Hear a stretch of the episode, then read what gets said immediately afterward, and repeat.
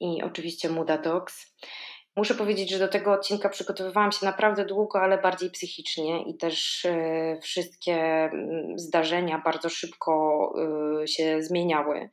Jak sobie przygotowywałam taki wstęp do tego odcinka, to chciałam, to chciałam Wam dać takie wydarzenia na, na dany moment, które są aktualne, ale rzeczywiście 24 godziny później już e, sytuacja zmieniała się zupełnie gwałtownie w drugą stronę.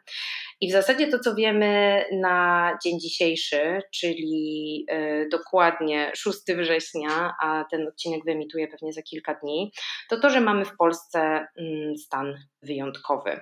Mamy w Polsce stan wyjątkowy, ponieważ 32 osoby poprosiły w naszym kraju o azyl. E, niestety odmówiono im go i w związku z tym mamy stan wyjątkowy. Ja bym powiedziała, że mamy stan wyjątkowej podłości i wyjątkowego niezrozumienia tego, czym są w ogóle prawa człowieka, czym jest konwencja genewska i czym w ogóle chyba jest wojna i uciekanie przed nią? W czwartek 2 września o 22 rozporządzeniem Rady Ministrów w sprawie ograniczeń wolności i praw w związku z wprowadzeniem stanu wyjątkowego na obszarze 183 miejscowości w pasie przy y, granicy polsko-białoruskiej został właśnie ogłoszony stan wyjątkowy. E, co w związku z tym? Mm, jakie wiążą się z tym y, kroki? Zakaz utrwalania za pomocą środków technicznych, wyglądu lub innych cech miejsc, obiektów lub obszarów obszarów obejmujących infrastrukturę graniczną, ograniczenie dostępu do informacji publicznej. To tak bardzo technicznym językiem, a w może bardziej ludzkim oznacza to to, że rząd y, Rzeczypospolitej Polskiej postanowił się pozbyć z granicy polsko-białoruskiej wszystkich aktywistów i dziennikarzy którzy naciskali na Straż Graniczną tylko tego, żeby przestrzegała prawa.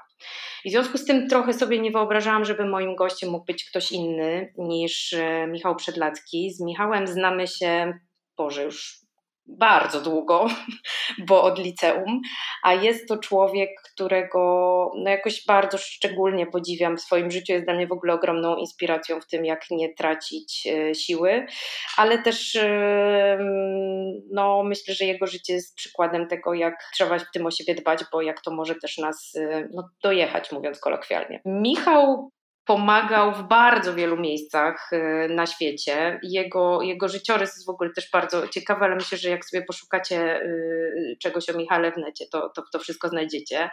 Mm, można o nim powiedzieć, że jest dokumentalistą, działaczem humanitarnym, dziennikarzem, spędził trzy lata w Afganistanie, był w Groznym, y, był w mm, Aleppo, po którym postanowił stworzyć taki, można powiedzieć, dać świadectwo temu swojemu działaniu tam i, i jest jednym ze ze współtwórców e, filmu e, Aleppo Notatki z ciemności, za, które, za który dostał dwie nagrody, bardzo dla niego ważne, z tego co rozmawialiśmy przed rozmową, zdobyw, e, czyli Grand Press i, mm, i Nagrodę Stowarzyszenia Dziennikarzy Polskich. To ja już po prostu kończę Ci stawiać ten pomnik, Michał. Jeżeli masz coś do dodania, to, to teraz jest ten moment. Dziękuję Ci, Pięto, za takie, takie naprawdę no, niezwykłe przedstawienie mnie. Wiesz, ja na przestrzeni no, 15 lat, tak jak działałem na w zasadzie na szpicy takiej pomocy natychmiastowej pierwszego rzutu na terenach no, wielu, wielu konfliktów na świecie, to także wielokrotnie, wiesz, nawet z ust dziennikarzy, czy, czy, czy tam jakichś e, działaczy, nie wiem, ONZ-u, którzy po jakimś czasie przybyli na miejsce. No i ja wielokrotnie słyszałem, że, że wiesz, że sytuacja jest zbyt skomplikowana, zbyt kompleksowa właśnie i tak dalej, w związku z czym nie, nie ma co tego ruszać.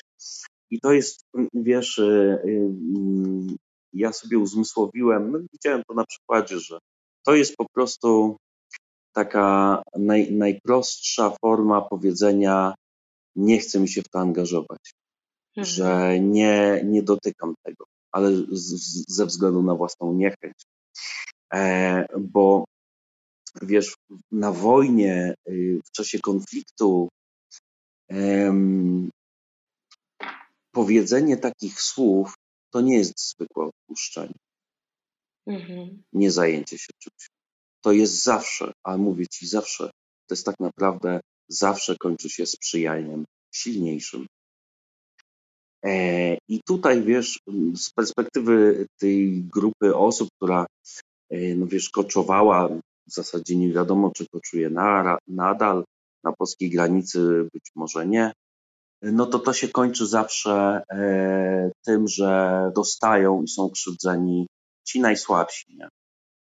Ci najsłabsi, którzy po prostu nie mają siły wystarczająco mocno przeciwstawić się rozmiarowi i intensywności jakiegoś konkretnego zła, jakimś konkretnym działaniom, które się wydarzają w jakimś konkretnym punkcie czasu, nie?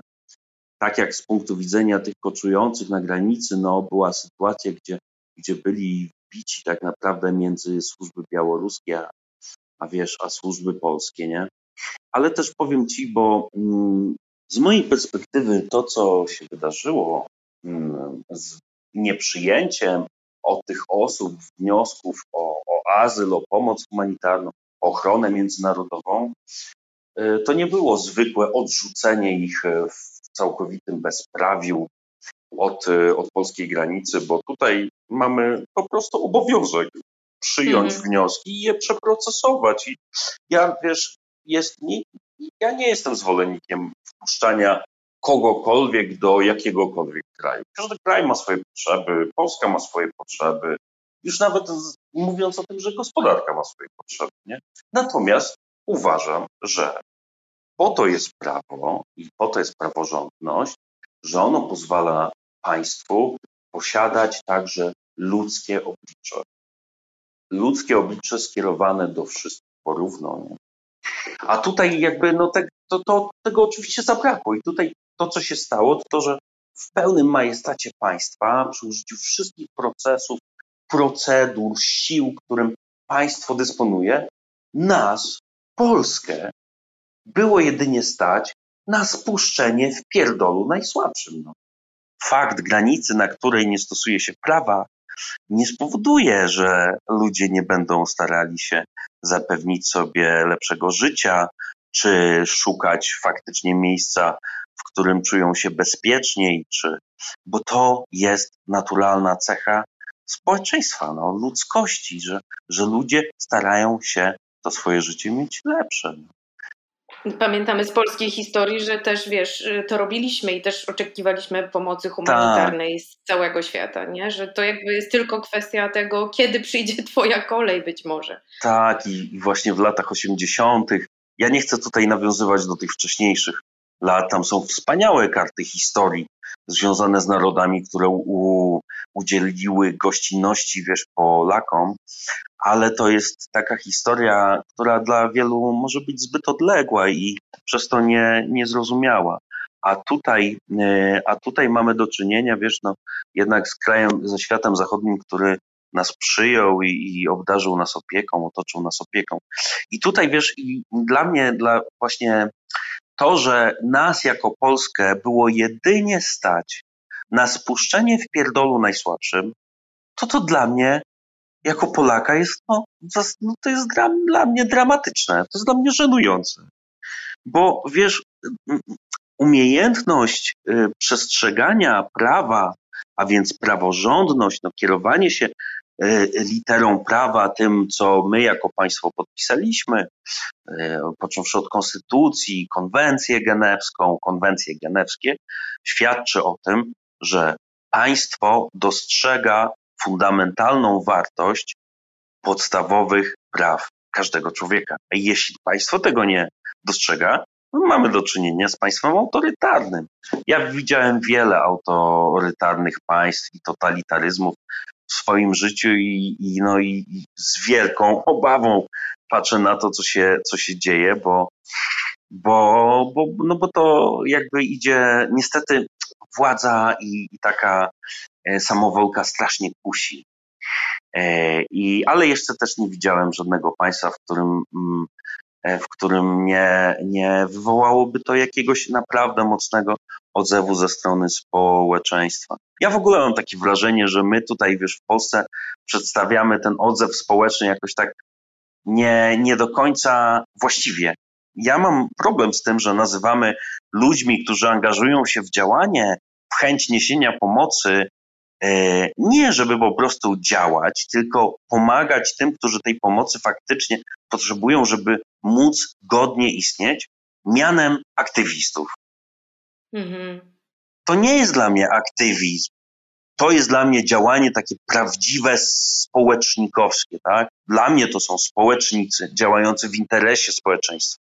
Niesienie pomocy i, i, i walka o to, o utrzymanie szacunku dla podstawowych praw każdego człowieka ze strony państwa, no jest działaniem absolutnie społecznym. I tutaj jak my, że tak powiem, robimy taką choinkę, mam takie wrażenie, że po prostu wieszamy ludzi, przyczepiamy im, wiesz, taki label aktywista i to są już jacyś inni, nie? Może nie mhm, przylecieli z kosmosu, ale o Jezu, czym oni się kierują po prostu, zamiast się zająć tam tym czy tamtym, po prostu jak większość, to oni są jakimiś aktywistami. Nie. Oni się zajmują interesem społecznym, naszym. E, dla nas, nie? I, I, myślę, że tutaj... To jest w ogóle bardzo ciekawe, Michał, co mówisz, wiesz, bo to ten aktywizm, myślę, że to jest też coś, na co ten rząd i jego propaganda bardzo mocno zapracowały, żeby robić z tych ludzi takich oszołomów, nie? Że właśnie ekologizm, wiesz, te wszystkie mm, określenia, które padały przez, przez ostatnie lata, czy to, że nie wiem, nawet to, że jeździsz na rowerze, czy nie jesz mięsa, powodowało, że, że możesz się narazić na jakiś ostracyzm mm, ze strony tej, tej władzy, czy na przykład sprzyjających im ludzi ludzi. Mhm. I teraz wiesz, określenie kogoś mianem aktywisty pozwala w ogóle, i teraz nie mówię, że to tylko rząd, nie? bo w ogóle nam wszystkim trochę pozwala zrzucić z siebie, im pozwala dodanie im łatki, nie wiem, radykalnych oszołomów, a nam pozwala y, y, okazywać bierne wsparcie pod tytułem, mm, no tak, tak, fajnie, że tam jesteście, ale tu są ważniejsze sprawy, albo no tak, tak, fajnie, że tam jesteście, bądźcie w moim imieniu, no bo jakby nic więcej ja nie mogę zrobić. Y, oczywiście poniekąd no jest to jakaś tam tam część prawdy.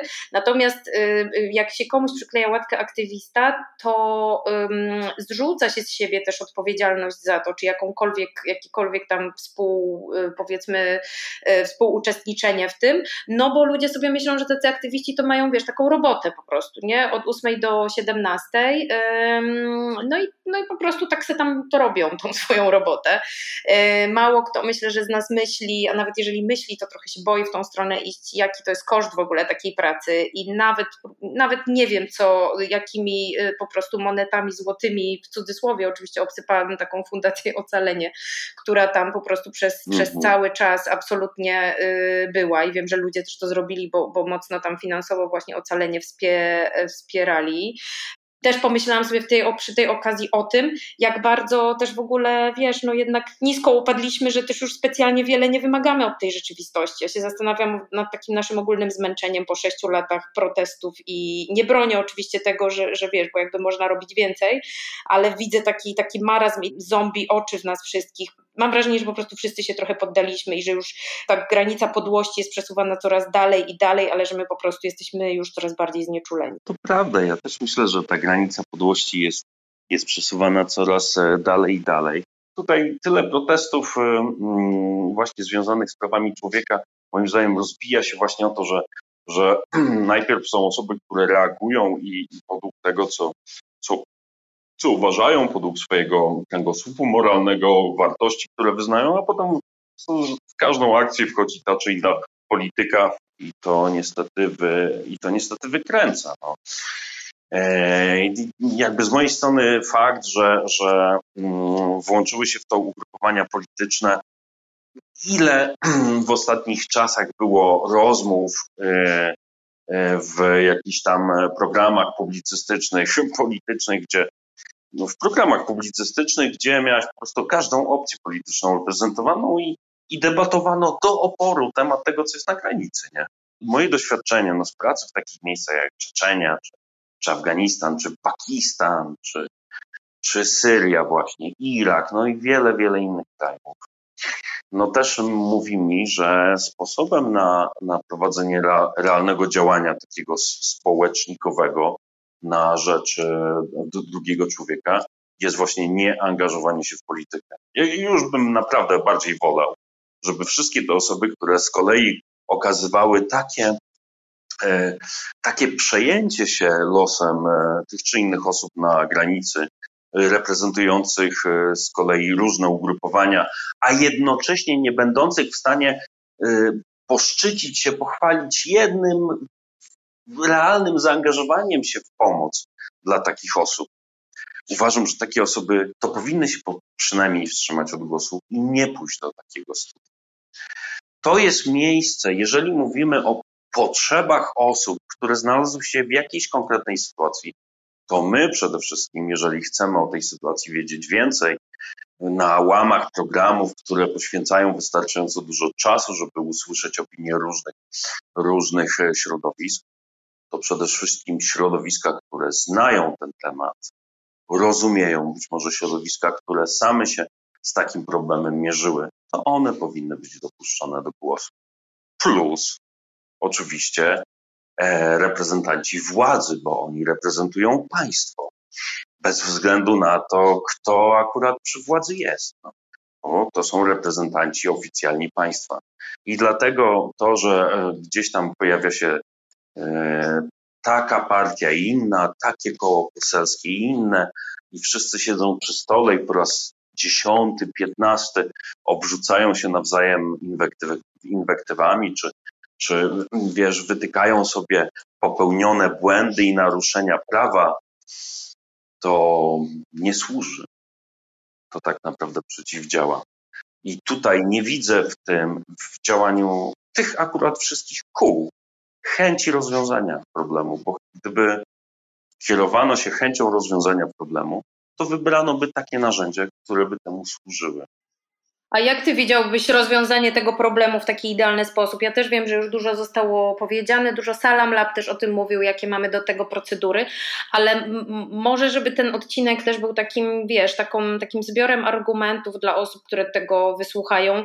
Mm, no bo jak ktoś się mm, ubiega o azyl, no to mamy pewnie tam po, po kolei kolejne kroki, e, kolejne procedury, które ewentualnie wykluczają, nie wiem, jakichś tam przestępców, czy terrorystów, czy jeszcze innej maści po prostu ludzi, których się tak tragicznie boimy, że, że jakby to ma bardzo swoją konkretną e, procedurę i, i, mm, i tutaj nie ma tak naprawdę większego, nie wiem, niebezpieczeństwa z tym związanego. Już pomijam to, że te 32 osoby to w, w dużej mierze też były kobiety i dzieci, zresztą Fundacja Ocalenie mm, jakby cały czas, żeby ich nie odczłowieczać, używała ich imion, ale także zawodów i mówiła skąd, skąd przybyli, więc tam były i nauczycielki, i właśnie jakieś młode dziewczyny, był kowal, był szewc, był jakiś inżynier, mm, co myślę, że też jest y, super ważne, ale jak taką sytuację można rozwiązać w optymalny sposób i, i jak to wygląda, jakie mamy do tego narzędzia? My zawsze mamy prawo domagania się przestrzegania praworządności. To jest coś, co zawsze będziemy mieć w rękach. Czyli to, że mamy prawo oczekiwać, że mamy każdą jedną podstawę do wymagania praworządności przez tych, którzy reprezentują państwo. Jest ewidentne, że, że prawo zostało e, złamane. Przy każdym pushbacku, przy każdym, że tak powiem, udawaniu, włączeniu słuchu selektywnego przez e, pracowników służb, którzy mają obowiązek przyjąć wniosek o azyl i go przeprocesować. E, za każdym razem to prawo nie jest tam naginane, to jest łamane, jest łamane prawo, tak? I teraz e, my nie jesteśmy w stanie siłowo przyciągnąć te osoby na polską stronę ale to, co, do czego mamy prawo, to e, przedstawiać swój sprzeciw. Tylko inaczej przedstawia się swój sprzeciw wtedy, kiedy jakby głównym powodem jest nierespektowanie, a tutaj łamanie praw i praw człowieka, a innym, jeżeli jest to wykorzystywane do jakiejś politycznej, do politycznego budowania sobie punktów uważam, wiesz, świętej pamięci profesor Leszek Kołakowski zwykł mawiać, że niewiedza nie zwalnia od odpowiedzialności. I są sytuacje, w których wiedzieć jest moralnym obowiązkiem. To jest taka sytuacja. W zasadzie każda sytuacja, która w tak rażący, która przedstawia tak rażące łamanie praw człowieka, gnojenie drugiego człowieka, traktowanie go no, z naj, największą możliwą pogardą, wymaga tego, żebyśmy my przedstawiali swój sprzeciw. No i, ale też oczywiście możemy tego nie robić, ale jeśli tego nie robimy, jeśli się nie sprzeciwiamy, to też nie będziemy mieli moralnego prawa potem podnosić głosu, jak po łamaniu praw człowieka takiej grupy czy innej przyjdzie czas na łamanie praw naszych. Takich praw czy innych praw. I tutaj myślę, że z punktu widzenia, ja jestem, wiesz, ja jestem ojcem, e, mam, nie wiem, no 40 tam jeden lat, czy dwa, no i mam, jestem już w jakimś tam swoim wieku, no i nawet z tej perspektywy bycia ojcem, nie? Dla mnie jest ważne, żeby dzieci mogły żyć w kraju, w którym prawa człowieka są uniwersalnie respektowane, nie? No to znaczy, że ich prawa też będą właśnie uniwersalnie respektowane, bo one, oni też są właśnie ludźmi, nie? A być może pojadą kiedyś w inne miejsce, gdzie mam nadzieję ogromną, że będzie dokładnie tak samo. Natomiast jeśli się tego nie robi, to nie wolno wymagać potem, że spotka nas coś innego niż to, na co my po cichu przyzwalamy. Osobiście uważam, że w chwili obecnej wyjazd na granicę, kiedy ogłoszono stan wyjątkowy w tym trzykilometrowym pasie, jest idiotyzmem, bo nie uda się niczego osiągnąć.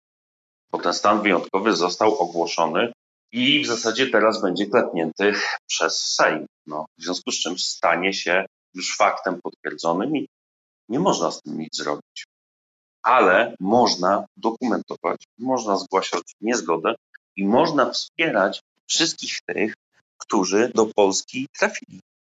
Mhm. I mam nadzieję, że te 32 osoby z imienia, nazwiska też będą miały okazję wreszcie zaznać, że ich godność jest szanowana na takiej granicy czy innej, żeby po prostu te osoby tą godność odzyskały.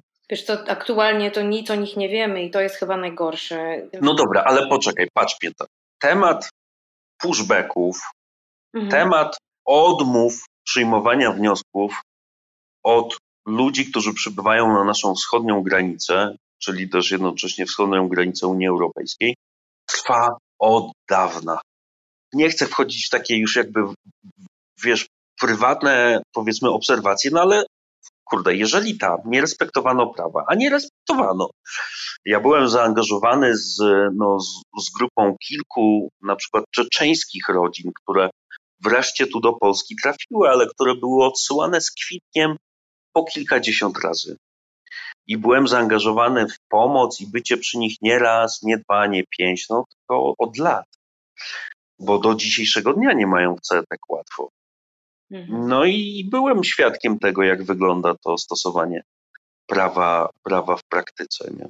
No to teraz, jak nagle tam, gdzie przywyknięto już do tego, że łamanie prawa to norma, jest po prostu własne widzimisię, widzimisię takiego czy innego zwierzchnika, jest prawem nadrzędnym niż konwencja genewska, no to nagle jak się pojawiają media i mówią, ej, zaraz, no ale przecież są konwencje genewskie, konstytucja, jest e, europejskie wymogi do spraw uchodźców, uciekinierów, azylantów, no to jak? No to co zrobiono? To się pozbyto tych głosów. Mhm. Natomiast no, jakby kiedyś będzie to rozliczone, no bo w państwie prawa coś takiego jest rozliczane, a tutaj o to trzeba dbać jak najbardziej, bo jeżeli my będziemy dbać o państwo prawa, to państwo prawa nigdy nie zrobi takiego obrzydliwego numeru i takiego, nie zrobi takiego gnojenia takiej czy innej grupie osób, takiemu czy innemu człowiekowi, nie? który do tej granicy mm. dociera. Już pomijam fakt, że wiesz, jako szósta gospodarka Unii, jako wielki kraj, dla nas przeprocesowanie 30, 300 czy 3 tysięcy aplikantów, no wiesz, no jak przyjmowaliśmy Czeczenów, wiesz, w liczbie tam, Boże, to było ponad 130 tysięcy, no, w jakimś tam określonej, wiesz, puli czasu, czy jak spojrzy się na statystyki Urzędu do Spraw Cudzoziemców, ile wniosków jednak udało się tym, wiesz, e, osobom napływającym na granicę jednak złożyć, no to można sobie pomyśleć, a ilu odepchnięto, nie? A ilu po hmm. prostu nie przyjęto wniosków.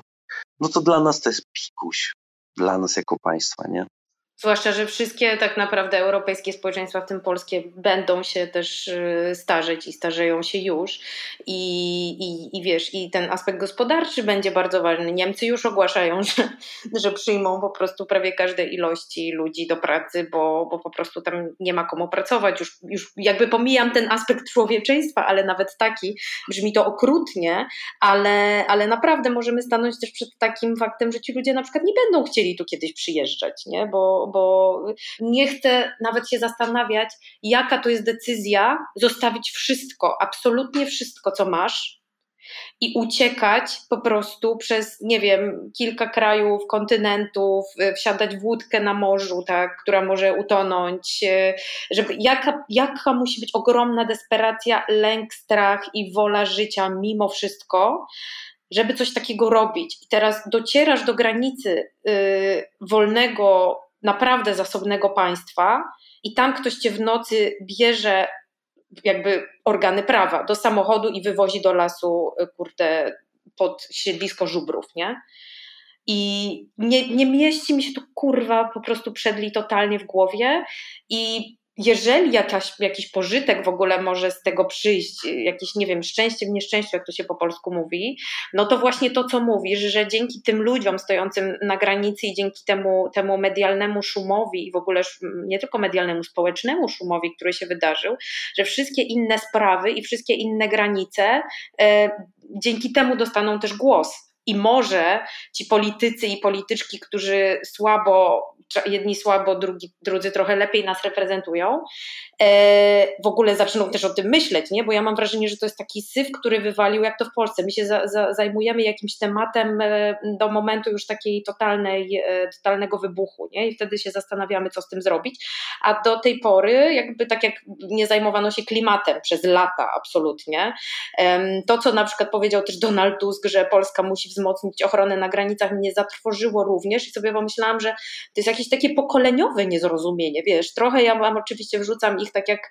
oni aktywistów do wora, tak ja starych białych uprzywilejowanych dziadów wrzucam do wora.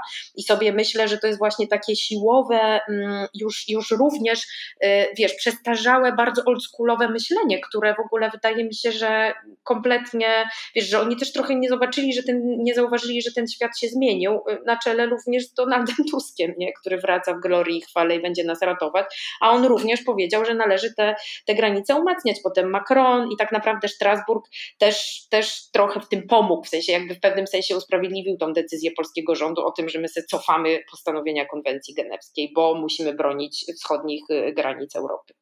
Jedna rzecz to jest kwestia e, szczelności i wzmocnienia granic, e, ale granica no to niekoniecznie jest y, drut, y, wiesz, z tego, z tego drutu, to, to, nie jest, to nie są zasieki z tego drutu koncentrina. Czy granica jest tak wzmocniona, czy w inny sposób? Fundamentem tutaj jest respektowanie prawa. Mamy prawo związane z granicami. W porządku, jak chcą wzmacniać, to może niech wypełniają to prawo właściwie.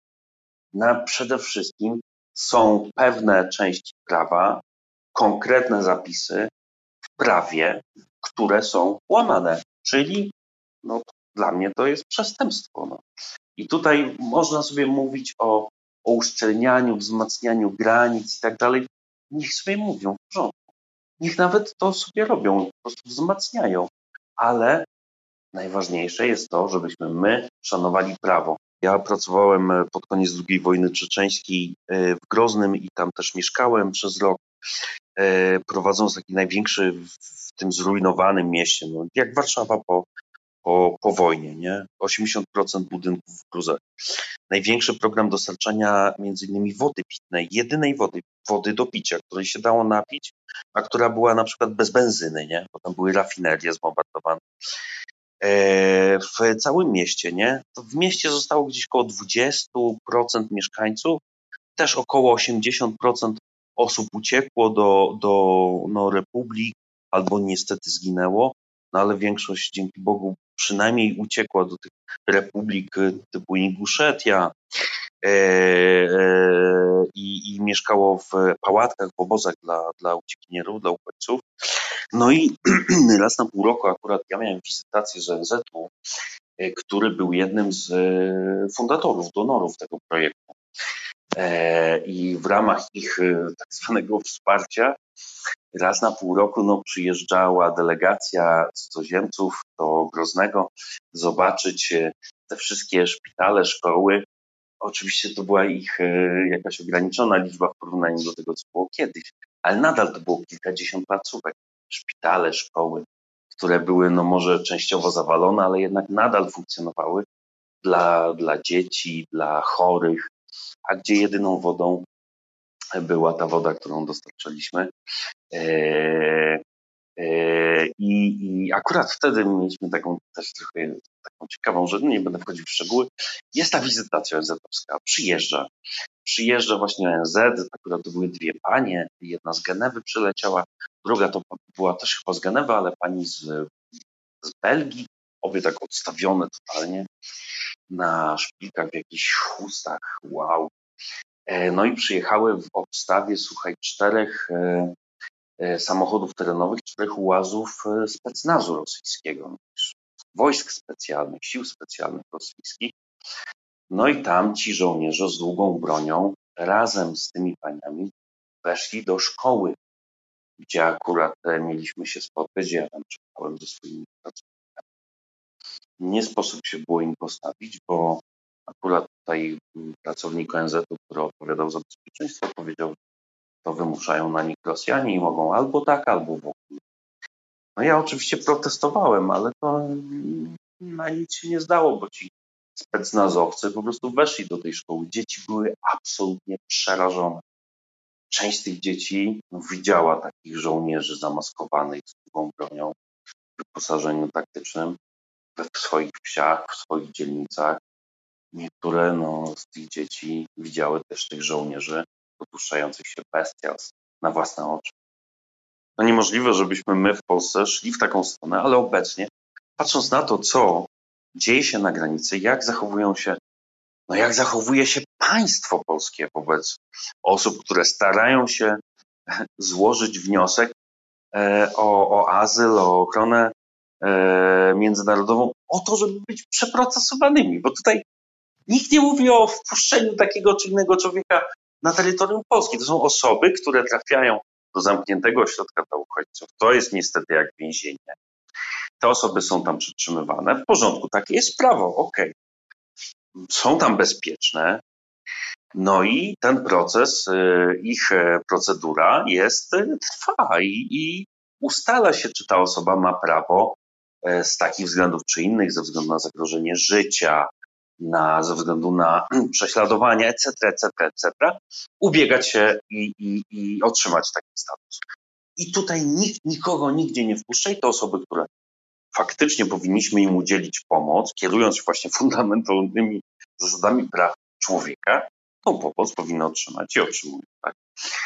No i teraz właśnie no to dla mnie analogie do pewnego stopnia z tym, co widziałem na granicy właśnie pomiędzy Bośnią i Hercegowiną a Chorwacją są zaskak- no straszne. Straszne. Ale dlaczego, o tym mówię? Właśnie, bo była mowa o tym, o tym ONZ-cie Czeczeni, o dzieleniu się biednych z potrzebującymi, bo teraz, no teraz jakby będzie ta, zaraz taka sytuacja, że nagle my jako polskie społeczeństwo, ludzie dobrej woli, społecznicy, osoby, które się chcą angażować, działacze, a może zwykli sąsiedzi tych osób, które nagle okażą się, że mają sąsiada Afgańczyka czy, czy Syryjczyka, no będziemy mogli tym bardziej działać, jeśli chcemy jeśli uznamy, że, no, że, że to dla nas też jakąś wartość ma angażowanie się w tego typu działania. Ale żeby działać, trzeba działać mądrze. No. Ja na przykład bardzo, a brakuje mi tego, ja bym chciał zobaczyć e, coś na kształt tego, jak my pracujemy w terenie, w tych działaniach takich no, zorganizowanych, międzynarodowych e, już od samego początku, a więc koordynacja. Koordynacja, czyli na przykład wiemy, że powiedzmy 500, 500 E, afgańskich uchodźców, czy w ogóle uchodźców tam ewakuowanych z Kabulu, no trafi na najbliższe powiedzmy trzy miesiące do Lublina, nie? No więc uważam, że jest to szalenie istotne, żeby organizacje, które tam są i działają, usiadły razem i porozmawiały, spotkały się oficjalnie między sobą i, i porozmawiały, kto ma największy potencjał do koordynowania pomocy dla nich. No bo z jednej strony trzeba być takim trochę interfejsem, yy, no partnerem dla, dla tamtego urzędu do spraw e, cudzoziemców, yy, do tamtych, yy, powiedzmy, do tamtych usług wobec uchodźców, które da ze swojej strony państwo i samorząd, a jednocześnie, żeby zapewnić jak najlepsze wykorzystanie tej pomocy, żeby oferować to, co faktycznie jest potrzebne i na czas, i żeby zapewnić tą pomoc wszystkim, bez względu na to, czy taka rodzina uchodźcza jest bardziej obrotna, a tamta mniej, żeby wszystkim ten zapewnić ten równy dostęp na poziomie takim, który faktycznie szanuje ich godność, to trzeba się koordynować. Ale nie koordynować tylko, wiesz, na Facebooku, że ktoś robi zrzutkę. Tutaj organizacje powinny siąść. Siąść, pogadać. Nie wiem, w Warszawie jest taka organizacja, inna. Siadają i ustalają, że taka organizacja bierze na siebie rolę koordynacji, a taka organizacja, nie wiem, z, w, e, bierze na siebie informacje o, o e, nie wiem, pracę o dystrybucji informacji na temat zbiórek w internecie. A taka organizacja z kolei może skupia się na organizowaniu pomocy psychologicznej, a taka organizacja nie wiem, decyduje się na organizowanie osób, które będą towarzyszyły e, tym rodzinom uchodźczym w takich codziennych sprawunkach w urzędach, w zrozumieniu polskiego galimatiasu urzędniczego, w tym jak się dostać do służby zdrowia. To jest cholernie ważne. To jest cholernie ważne dlatego, że żeby nie nastąpił raz, żeby nie było za dużo tej pomocy, E, w jednym miejscu, a w drugim, żeby tej pomocy nagle się okazało, że jej nie starczy.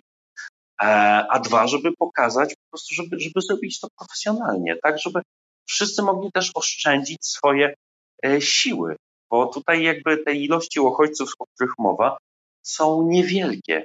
I można tutaj faktycznie, ale trzeba każdej rodzinie zapewnić pomoc. A żeby to zrobić porządnie, no to myślę, że jakby w sektorze pozarządowym trzeba myśleć, że że tą koordynację trzeba zorganizować samemu, bo inaczej każdy będzie z tymi czy podobnymi pytaniami przychodził do Urzędu do Spraw Cudzoziemców, czy nagle e, e, jakby ta informacja zacznie się mnożyć. To jest jedna rzecz. I naprawdę normalnie w terenie, w czasie jakichś katastrof, nie wiem, konfliktów, gdzie ONZ jest dopuszczony, gdzie działa, e, zajmuje się tym ONZ, ale ja nie wiem, jakoś nie słyszałem słowa jak na razie takiego większego na temat zaangażowania agent ONZ-owskich w Polsce w tego typu działanie. Ja kiedyś sprawdzałem, sam z ciekawości, czy jeżeli ktoś się dostanie przez wschodnią granicę, rosyjskojęzyczna osoba, starająca się no, uzyskać pomoc w Polsce, no to czy na przykład może dostać informację z UNHCR-u, nie? które ma biuro w Warszawie. Wszedłem na stronę UNHCR-u, ale jedyne, co tam mogłem znaleźć, to był raport jakiś tam roczny po angielsku. I pomyślałem sobie, kurwa mać, no przepraszam, ale gdybym był, wiesz, mówimy o wschodniej granicy Unii, to nie mówimy o takim jakimś tam miejscu, gdzie tych uchodźców się pojawi, czy uciekinierów, azylantów, powiedzmy 300 w skali roku. Każdego roku to są duże liczby. No i w porządku, no ja rozumiem, że taka czy inna agenda ONZ-owska jest na ulotkach, tu czy tam, no ale jest XXI wiek, halo, nie? obudźmy się. To też nie jest raczej biedna instytucja. Wiesz, otwieramy telefon, no jak ja trafiam, a wiesz, że ja pracowałem w dwudziestu kilku krajach, no w tym pierwszym rzucie, gdzie po prostu się jedzie na gorące, nie? Czy to są katastrofy trzęsienia ziemi, czy konflikty, czy coś, no i się gdzieś tam ląduje, nie? My nie lądujemy, ja nigdy nie lądowałem pod jakąś e- egidą ONZ-owską czy coś, po prostu lądowałem i po prostu ostro w działanie natychmiast, nie?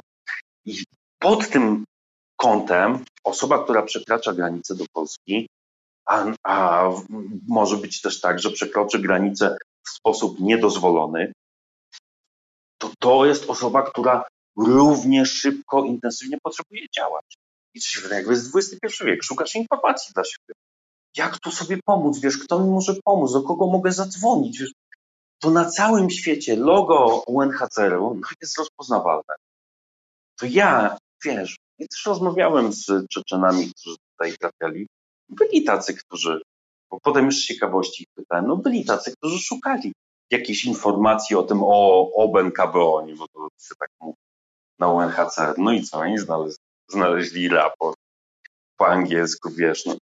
Czy ja sobie też pozwoliłem zadzwonić na infolinię, to tam wisiałem strasznie długo, właśnie nie byłem w stanie niczego zadać. Przede wszystkim sposobem walki o praworządność i o staranie się na rzecz drugiego człowieka jest właśnie sprzeciw przeciwko łamaniu prawa i skupianie się na jak najlepszym prowadzeniu pracy i działania przez nas samych, przeze mnie samego. Bo są sytuacje, w których nieważne jak głośno będę krzyczał, no to to jest nadal krzyk, ale jeżeli pracuję nad sobą, nad tym jak działam, to być może zamiast krzyku to będzie krzyk plus tuba megafonowa. No. To już tak, że tak bardzo kolokwialnie rzecz ujmując, tak może obrazując po, po tym, po prostacku może zobaczyć. No ale o to mi chodzi, nie? Jak ty myślisz, że może wyglądać w ogóle sytuacja w Afganistanie w najbliższym czasie? No bo, no bo tam talibowie przejęli całkowicie władzę, ale też nie mają, z tego co tam czytałam, e, w ogóle środków do tego, żeby tam długo rządzić. Wiesz, Afganistan to jest taki kraj, który no, wiele osób kocha, a jeszcze więcej nienawidzi. Tak z tych, które były i, i pracowały na miejscu. Ja akurat należę do. Mi Afganistan zajął wakaty podskórnej nieprzynależności. Autentycznie wypełnił mi je. To jest absolutnie fascynujący i urzekający kraj.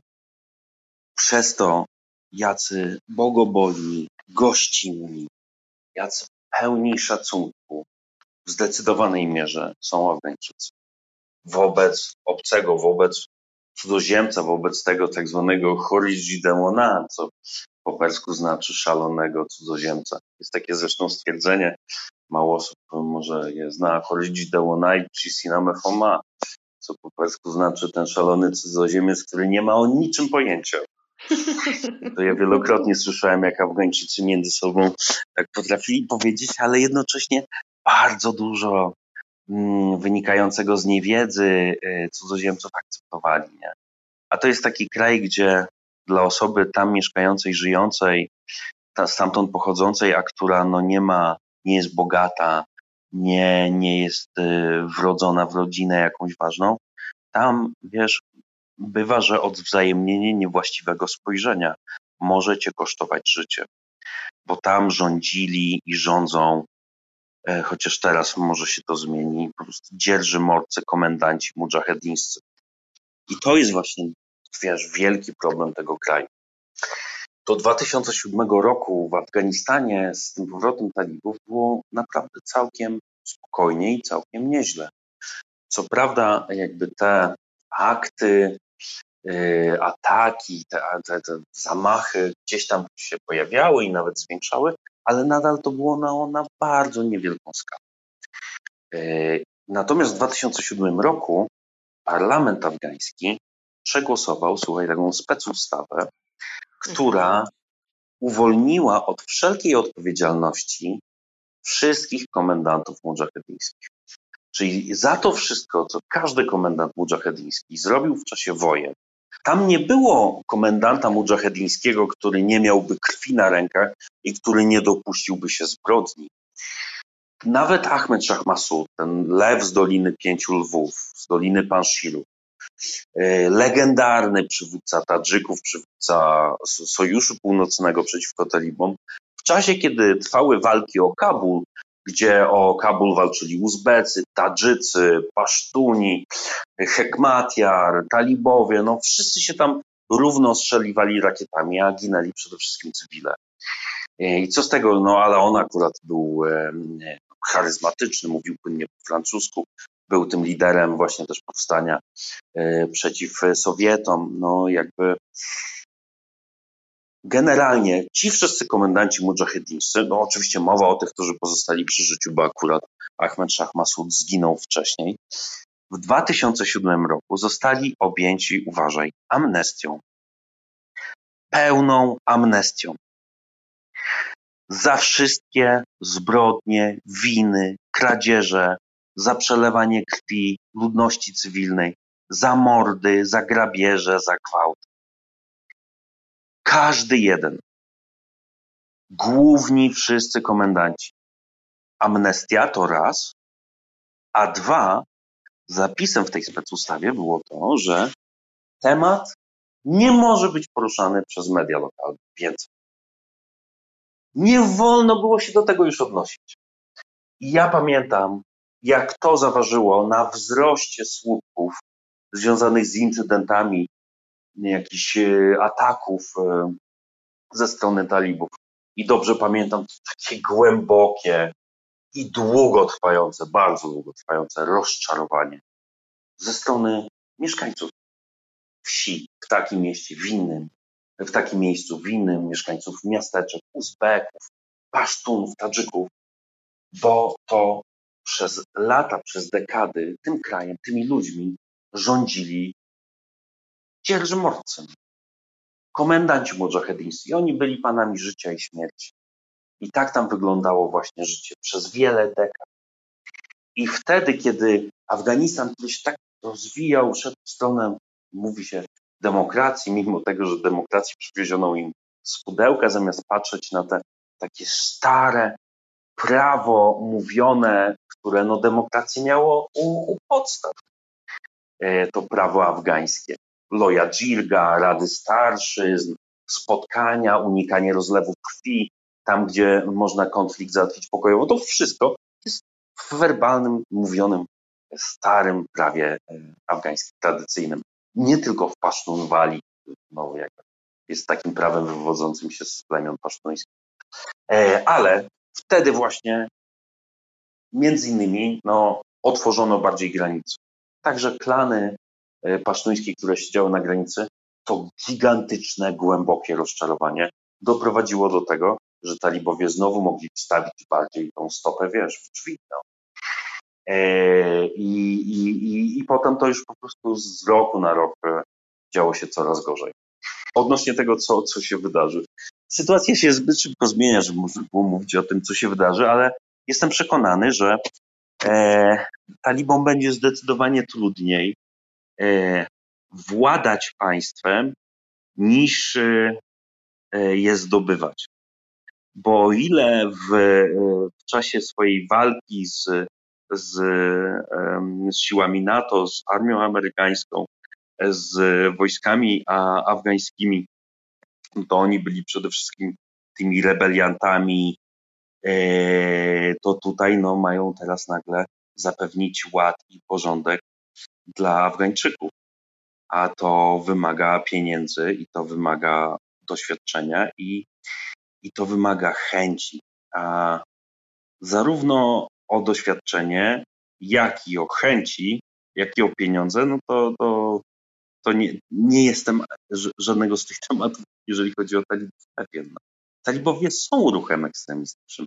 Oni co prawda stali się bardziej tacy nacjonalistyczni na przestrzeni lat. Ja, ja też miałem okazję obserwować, ale no to są nadal talibowie. I teraz im mniej będą pieniędzy mieli, tym będą bardziej rozgrywani. I to, na czym zrobili taką furorę, gdzie faktycznie otrzymali wsparcie, czyli na zapewnieniu sprawiedliwości we wszystkich tych terenach, na których działali, Czyli faktycznie byli w stanie wprowadzić sądy oparte o szariat, gdzie osoba, która miała rację, ale nie miała pieniędzy, nie była skoligacona z takim czy innym komendantem mudżahedyńskim, czy z takim czy innym po prostu silnym e, człowiekiem, dzierżymorcą tej czy innej maści, nie miała szans dochodzenia jakiegokolwiek prawa i sprawiedliwości przed sądem afgańskim, bo te były skorumpowane całkowicie nawet tam, gdzie, gdzie funkcjonowały. A talibowie faktycznie na tym wygrali bardzo duży poklask społeczny na tych bardziej konserwatywnych terytoriach, a więc w zasadzie na całym terytorium niezurbanizowanym Afganistanu, czyli tak naprawdę w zdecydowanej większości kraju, tam gdzie, tam gdzie, tam, gdzie już wtedy funkcjonowali. Nie? Ale teraz oni mają to zapewnić na co dzień a to już zupełnie inna, inna rzecz. No. Tak, to, to na pewno się różni od wysadzania w powietrze i, i wiesz, i zabijania. Tak, to, że trzeba tak. jednak usiąść, dogadać się, Oczywiście. E, podzielić różne tematy, nie wiem, nie wiem, nie wiem, wymyślić jakichś ministrów tego rządu i, i, i po prostu się dogadać, nie? No jednak trochę natury nie oszukasz, więc, więc jeżeli, jeżeli oni przez e, całe swoje dorosłe życie głównie walczyli, zabijali i wysadzali coś w powietrze, no to bardzo trudno będzie takim, z takim mentalem ludziom coś e, zbudować. Oni też nie lubią, jak ktoś się zbyt mocno wybija mm, i staje się jakimś takim liderem grupy, więc to myślę, że też będzie trudno utrzymać w ryzach e, e, różne takie ega. To znaczy, wiesz, oni też, oni też święcie wierzyli w zwycięstwo. Od zawsze. Oni autentycznie święcie wierzyli w zwycięstwo. Tylko no dobra, teraz zwyciężyli, no i, i co teraz, nie? E, I jakby ta, ten cały, wiesz, e, e, ta, ta cała główna idea, którą walczyli, no dobra, okej, okay. no to wiesz, no powiedzmy stało się, tak? Czy staje się, no to co teraz? To już jakby zupełnie, to już wchodzi inny poziom rozważań. Talibowie na pewno jako każdy po prostu rząd, czy de facto kontrolujący teren, gdzie ma gigantyczne problemy z za, zapięciem budżetu, z zapewnieniem podstawowych no, świadczeń dla, dla ludzi, które każdy wie, że są potrzebne. Opieka zdrowotna chociażby. E, będą poszukiwali sojuszników, którzy będą im w stanie pożyczać duże pieniądze, nie pytając, e, nie pytając za wiele. I tutaj talibowie, jeżeli to będą Chińczycy, no to Chińczycy wejdą bardzo poważnie do Afganistanu. Jeżeli to będzie e, Katar, no to Katar wejdzie bardzo poważnie do Afganistanu e, i jakby już tam się po prostu no, zajmie swoimi rzeczami, nie wiem, wydobywaniem różnego rodzaju super minerałów i bogactw, no które tam się pod ziemią o tym się, o tym się też praktycznie nie mówi, nie? że w kontekście Afganistanu albo bardzo niewiele, jakie tam są złoża mineralne i jak bardzo bogate, jeśli chodzi o złoża różnego rodzaju, litu, a jednocześnie miedzi, kobaltu, węgla, a jednocześnie... Ale widzisz, wspomniałaś o miedzi. Ja miałem tą przyjemność na zlecenie National Geographic pojechałem na największe wykopaliska archeologiczne w Afganistanie, w prowincji Logar, do takiej miejscowości Messaina, co znaczy Miedziana Góra. Tam znajduje się, wtedy to było drugie największe znane, nieeksploatowane yy, yy, złoże miedzi na świecie. A chyba w ogóle nawet drugie największe, czy trzecie największe znane złoże miedzi na świecie, generalnie gigantyczne, widoczne z kosmosu, nie? I na, i słuchaj, e, prawa do wydobycia wygrała, e, jak wygrało chińskie takie państwowe konsorcjum, czy państwowo-prywatne konsorcjum. E, bodajże wtedy afgański minister do spraw kopalń wziął tam chyba 80 milionów dolarów łapówki i znikł po, po jakby rozstrzygnięciu tego kontraktu. I, I Chińczycy tam jakby pojechali, no wzięli te prawa na 20 lat, okazało się, że to, co będą rocznie płacić, i zaczęli płacić do budżetu Afganistanu, to jest największy procentowo składnik wpływów, które potem e, stają się budżetem państwa. W całym Afganistanie, nie? Gigantyczne pieniądze. Ale na górze tej miedzi, dosłownie na Mesajnach, na, na tym złożu miedzi, e, odnaleziono ślady starożytnego miasta które było zasiedlone, okazało się w zasadzie nieprzerwanie przez 5 tysięcy lat. To było miasto otoczone trzema fortecami gigantycznymi, no kilkupoziomowymi, gdzie okazało się, że, że istniały jakieś nieznane światu technologie przetwórstwa miedzi. To generalnie, tak jak archeolodzy, bo tu ci, którzy pracowali na miejscu, powiedzieli mi, że jest to, że jest to jeden z wielkich pięciu, one of top five. Powiedzieli, że to, co tutaj znaleziono, równa się rangą do piramid Cheopsa, Machu Picchu i tak dalej, nie? E, że jakby to, co tam odkryto na tym terytorium, wielkie miasto, chyba 3 km na 1,5 km. E, miasto opuszczone, nie wiadomo było dlaczego. Ja tam spędziłem dwa tygodnie z tymi archeologami, akurat to dokumentując. Także no, tych y, złóż jest tam na wiele. No i oczywiście też wydobywanie złóż potrzebuje infrastruktury, której tam brakuje. Nie? Kolei, nie wystarczająco dobrej e, sieci elektrycznej, etc., etc., no ale, ale jest to możliwe. No. Natomiast tam brakuje stabilności.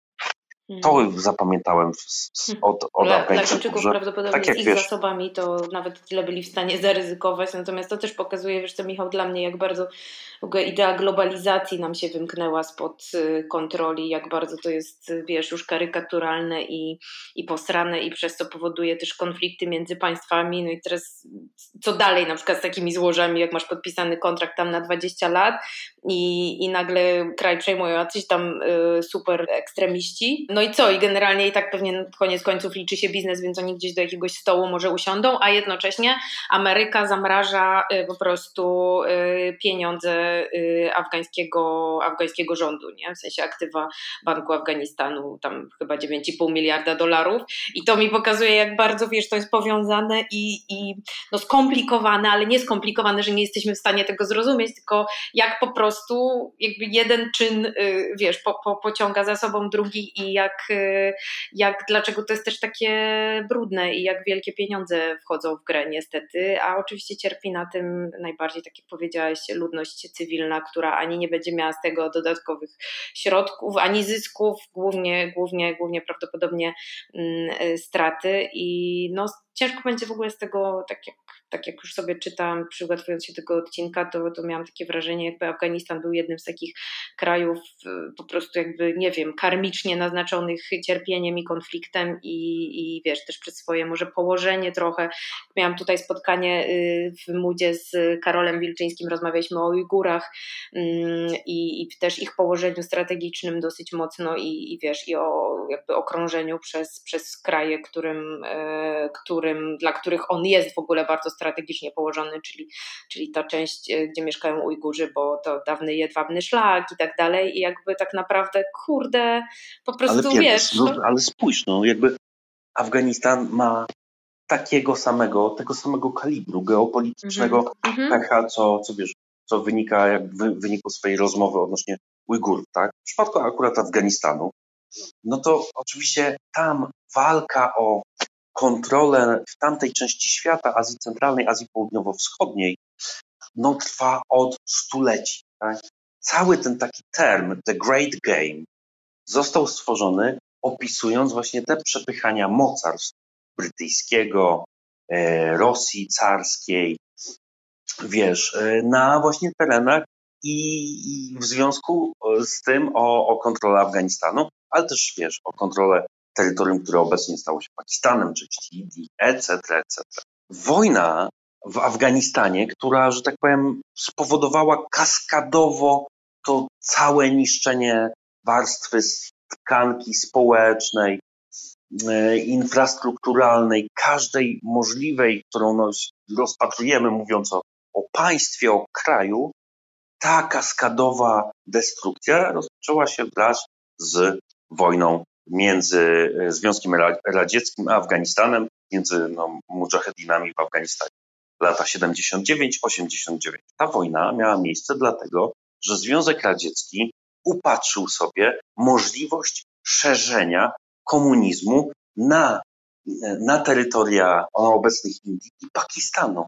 Tam była bardzo żyzna gleba dla, dla idei e, komunistycznych.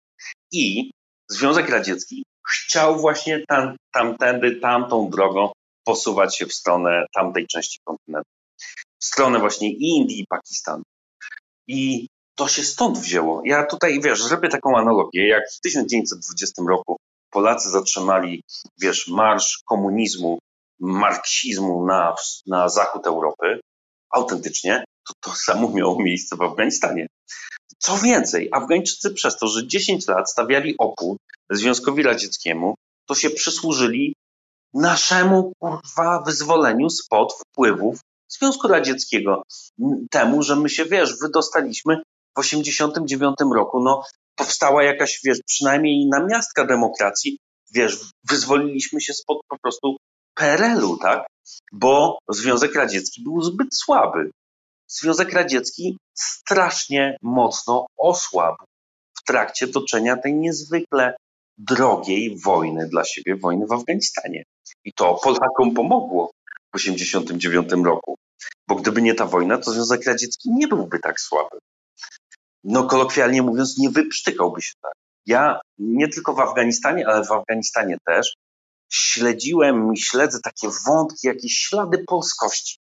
W, w ramach przyjaźni afgańsko-polskiej, no, finansowanej przez Związek Radziecki, do Polski przyjeżdżali innymi e, studenci z Afganistanu. Czy były wymiany studenckie także. No ale e, jak e, przyszła wojna ze Związkiem Radzieckim, no to oczywiście tej przyjaźni polsko-afgańskiej już nie było, nie? wręcz przeciwnie. E, oficjalnej. No i Ahmed Shah Massoud, czyli legendarny komendant Tadżyków, przywódca Sojuszu Północnego, największa gwiazda, bohater e, oporu przeciwko i zarówno talibom, jak i przeciwko Związkowi Radzieckiemu, no, funkcjonował ze swoim sztabem właśnie w Dolinie Panshiro, którą teraz no, kończą się walki, niestety e, w Afganistanie, w tej Dolinie Pięciu Lwów. Panshir to znaczy pięć lwów.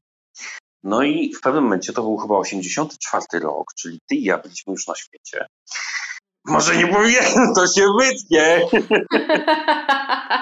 nie, no to już powiedzieliśmy. Na samym początku powiedziałeś, ile masz Słuchaj, lat, no i, no i ten, relacja. No i, no i e, Związek Radziecki, to chyba w 84 roku było, e, że Związek Radziecki, nie będąc w stanie dopaść e, Ahmed Shah Masuda, nawet po prostu takim sporym zrzutem specnazu, z którego w zasadzie zostały osmalone szczątki w tej Dolinie Panshiru, postanowił, że no, będą prowadzić naloty y, dywanowe na Dolinę Panshiru, że szansa na to, że jakaś bomba tego Masuda zabije i takim wynagrodzi wszelkie koszty i to niskie prawdopodobieństwo no, no, do, dopadnięcia go tą bronią, bo był to dla nich tak, przeciw, tak trudny przeciwnik i tak, koniecznie, no był priorytetem, totalnym priorytetem na liście Związku Radzieckiego, w związku z czym faktycznie do tych nalotów dywanowych na Dolinę Banshiru doszło, które po prostu no, zniosły z powierzchni ziemi większość osad.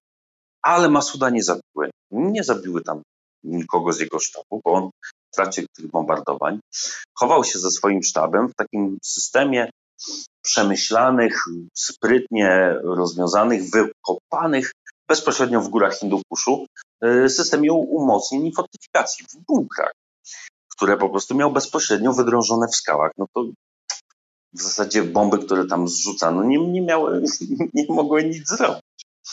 Ale ten system fortyfikacji to mu umiejętnie wymyślił i nadzorował stworzenie jego sąsiad ze wsi Bazara. Niejaki Nik Mohamed, Tadżyk, tak jak i Masud, który, słuchaj, budowlanki się nauczył w technikum budowlanym w Gorzowie Wielkopolskim. Ja wiesz... O mój Boże, no. niesamowite. No, w życiu, w życiu Michał nie rozmawia, gdybym z tobą nie rozmawiała, nie dotarłabym, nie dotarłabym myślę do tego faktu przez, nawet gdybym była, żyła 100 lat po prostu. Ja, wiesz, ja poznałem Nika Mohamada, ale co więcej, zadałem sobie trud, ja dotarłem do jego szkoły, w tym Gorzowie Wielkopolskim. Znalazłem go na tych listach, dotarłem do jego tego, wychowawcy. Słuchaj, się okazało? To się okazało, że on był kiepskim uczniem, nie? Z WF był niezły. Widziałem te, te karty, jeszcze się zachowały, ale e, wyobraź sobie, że facet normalnie bibułę przemycał po Polsce solidarnościową. Sam nie był wtedy świadom tego, co wozi, tylko mu ją wciskano, bo wiedziano, że milicja do takiego Afgańczyka się będzie wstydziła podejść, wiesz, zapytać coś, wiesz, jak to ten. W związku z czym woził, ale do końca właśnie, jak ostatnim razem się z nim no, miałem okazję widzieć, mówił, że nie, że to z żadnego bohaterstwa, on nie wiedział, co wozi. No to tak mm. wciskali, nie?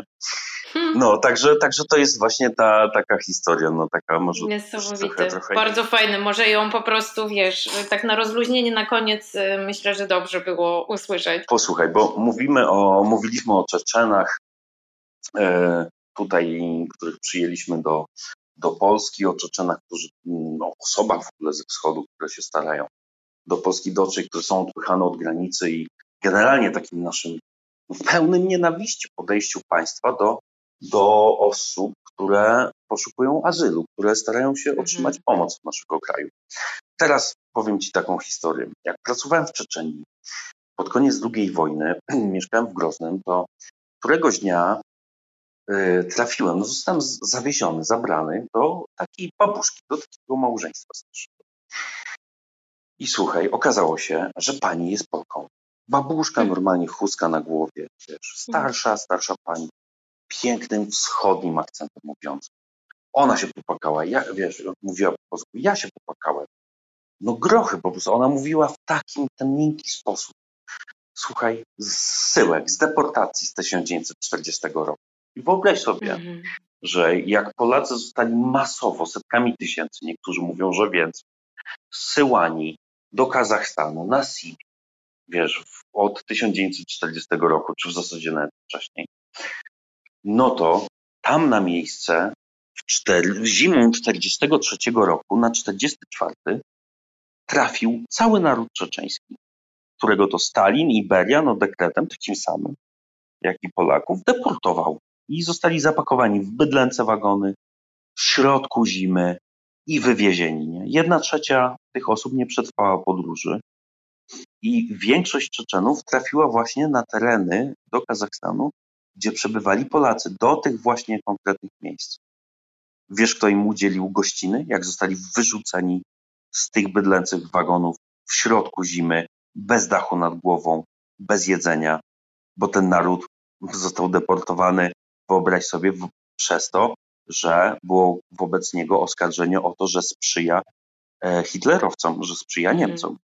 I faktycznie były tam jakieś oddziały powstańcze walczące przeciwko Związkowi Radzieckiemu, no bo Czeczeni od czasów carycy Katarzyny II mają w sobie tak głęboką nienawiść do Rosji, że woleli się niektórzy bra zbratać z Niemcami, aby tylko wojować przeciwko Związkowi Radzieckiemu.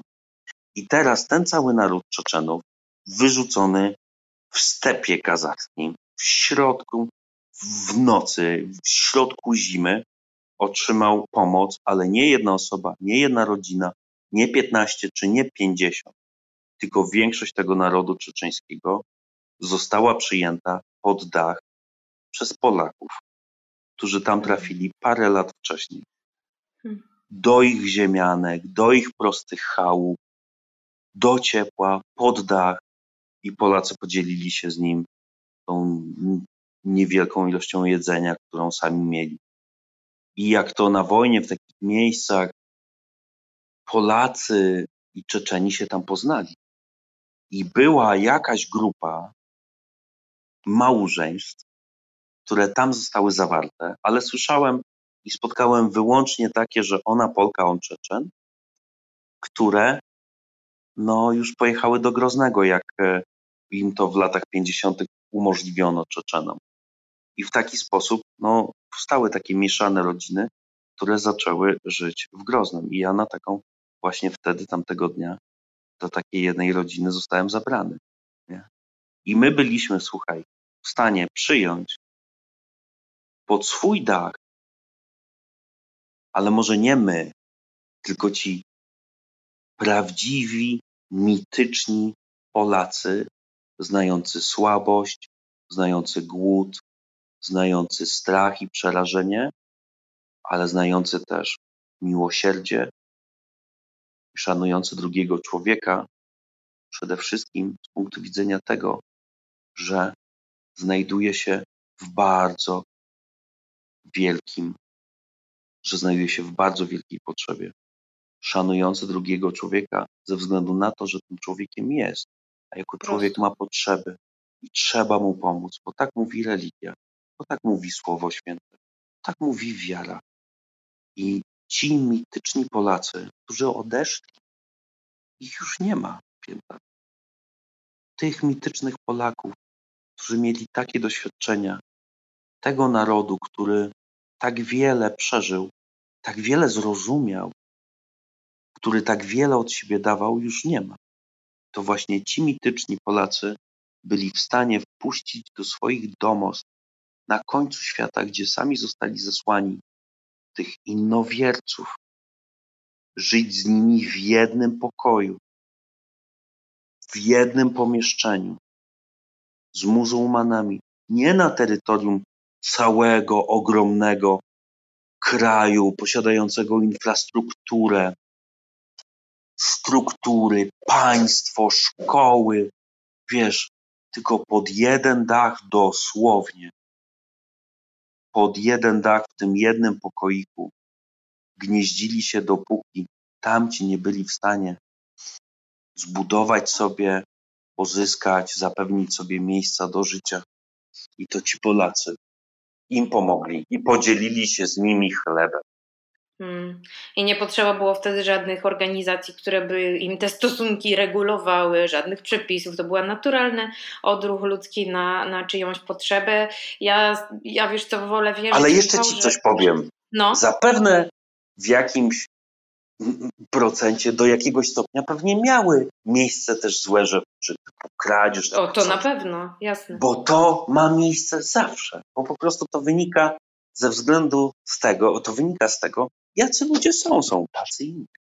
Ale przede wszystkim fakt pomocy, solidarności nie spowodował, że nagle Polakom podszynano gardła, czy gwałcono polskie kobiety, czy rozumiesz, okradano ich, czy, czy, czy, czy coś nie wiadomo jeszcze innego. Tak? I to do dzisiaj wśród starszyzny czeczeńskiej ten fakt pomocy im jako narodowi czeczeńskiemu jest pamiętany do dzisiaj. Może młodzi Czeczeni już nawet o tym nie wiedzą. Może nie wszyscy o tym wiedzą, bo jednak Czeczeni, ta starszyzna też przekazuje to doświadczenie swojego narodu. Ustnie opowiada, to jest, to jest żywe. Ale właśnie pięta, ci mityczni Polacy, którzy odeszli, to oni tacy byli. Mając dosłownie jeden pokoik. A my mamy kraj. Dokładnie. Ja wolę, ja po prostu po tej twojej historii y, końcowej, to wolę myśleć, że gdyby, gdyby po prostu tego cały, ten cały szub się nie wydarzył, gdybyśmy, gdyby część ludzi nie jechała na, na, na granicę polsko-białoruską, żeby pilnować e, prawa, mm, to po prostu ci ludzie naturalnie by tą granicę przekroczyli i jednak w takim usnażu bardzo dużo ludzi by im tej pomocy naturalnie udzieliło, bo jak już ktoś jest pod twoimi drzwiami i mówi, że jest głodny i, i przemąknięty i przemąknięty, przemarznięty, no to jakby myślę, że jednak większość ludzi stamtąd y, naturalnie by po prostu pomogła, a nie. Przepraszam, ale ja myślę, że oni, ta konkretna grupa by nie przekroczyła. Tak jak bardzo dużo innych przypadków, które do tej pory w kompletnej niewiedzy społecznej, społeczeństwa, były odpychane, odrzucane. To, co się stało, to jest akurat padło akurat na nich, na tych konkretnych ludzi. Ale to, co się stało, to też jest ujawnienie tego, co się dzieje w opinii publicznej. No i jednocześnie cały, cały ten taki, no, krzyk niezgody, wycie czasami wręcz ze strony tych, którzy no, zdecydowali się w taki sposób instruować, w taki sposób prowadzić, łącznie z prowadzeniem polskich służb, żeby tak się zachowało. Oh, Michał, ja, musimy kończyć, bo boję się, że przez tą długość nikt tego nie wysłucha. Ja natomiast chciałabym na koniec, y, za chwilę, zanim Ci podziękuję, jeszcze przeczytać y, tu kilkanaście organizacji, tudzież osób prywatnych, y, które warto obserwować i patrzeć, co robią, łącznie, łącznie z Tobą i co, co, jak tam się im zmieniają, bo Ty akurat dużo tweetujesz, ale, ale też na Facebooku chyba Twój profil, nie wiem, czy jest publiczny i można też Twoje opinie na temat, na, obecny, na temat obecnej sytuacji poczytać ale ja chciałabym tu wymienić kolejność przypadkowa absolutnie, poza Fundacją Ocalenie, którą już wszyscy znamy, e, Helsińską Fundację Praw Człowieka, Stowarzyszenie Nomada, Stowarzyszenie Homofaber, Polskie Forum Migracyjne, Amnesty International, oczywiście zawsze jako jedne z popularniejszych w tych tematach organizacji Chlebem i Solą, e, Salam Lab i e, to, to, już, to już pewnie wiecie, bo najbardziej jest gdzieś tam pewnie tak medialnie, komunikacyjnie aktywny, ale też Centrum Centrum Pomocy Prawnej Haliny Niec, Polskie Forum Migracyjne. W związku z tym Polskim Forum Migracyjnym dwie postaci moja znajoma tu mi napisała na Instagramie, żeby wspomnieć Olę Perczyńską i Maćka Perczyńskiego. Mm, ośrodek dla cudzoziemców w Lininie aktualnie robi też jakąś zbiórkę rzeczy i warto sobie to sprawdzić, a także przystanek Świetlica i Fundacja dla Wolności, a właśnie z osób, które warto w tych tematach śledzić i które dużo informacji gdzieś tam szerują, to Jagoda Grondecka oczywiście, która, która wróciła z Afganistanu, Karol Grygoruk, Franek Sterczewski na przykład, y, Karol Wilczyński właśnie założyciel Salam Labu i na przykład Michał Przedlacki. E, myślę, że tych osób jest jeszcze dużo, dużo więcej, ale, ale to jakby jeden link pociąga za sobą drugi, więc ja też oczywiście te wszystkie organizacje i osoby, które wymieniłam, mm, podlinkujemy w opisie odcinka albo w kolejnych postach, więc będziecie mieli do tego dostęp e, dla mnie jest ultra ważne to, co ty Michał powiedziałeś a propos tego, że, że, że po prostu wszystkie sprawy i wszystkie pushbacki ze wszystkich granic yy, tak naprawdę dzięki temu trochę zyskały głos, a druga rzecz yy, chyba jeszcze ważniejsza to to, to że, że, że, że, że, że musimy się domagać prawa pomimo wszystko i zawsze i też również po to, żeby sobie chyba za parę lat powiedzieć, że zrobiliśmy w tej sytuacji cokolwiek. No i też, żeby nie spychać tej odpowiedzialności za tych ludzi tylko na aktywistów na przykład, tak? Nie przyklejać im tej łatki, która nas y, zwalnia mm, z jakiegoś większego działania. To, co mówią sobie Afgańczycy, którzy się angażują i no, którzy w trudnych warunkach y, codziennie starają się mm, wytrwać w w, w dobru, bo jednak zdecydowana większość Afgańczyków to miłujący pokój ludzie. I oni starając się, co zresztą widzimy nawet w protestach kobiet na ulicach Kabulu pod rządami talibów, co jest niezwykłe dla mnie. Oni sobie często mówią taką maksymę sabr talhas jaken baren shilindora, co znaczy cierpliwość jest gorzka, ale rodzi słodkie owoce. Hmm. To ja już zrobię kropkę.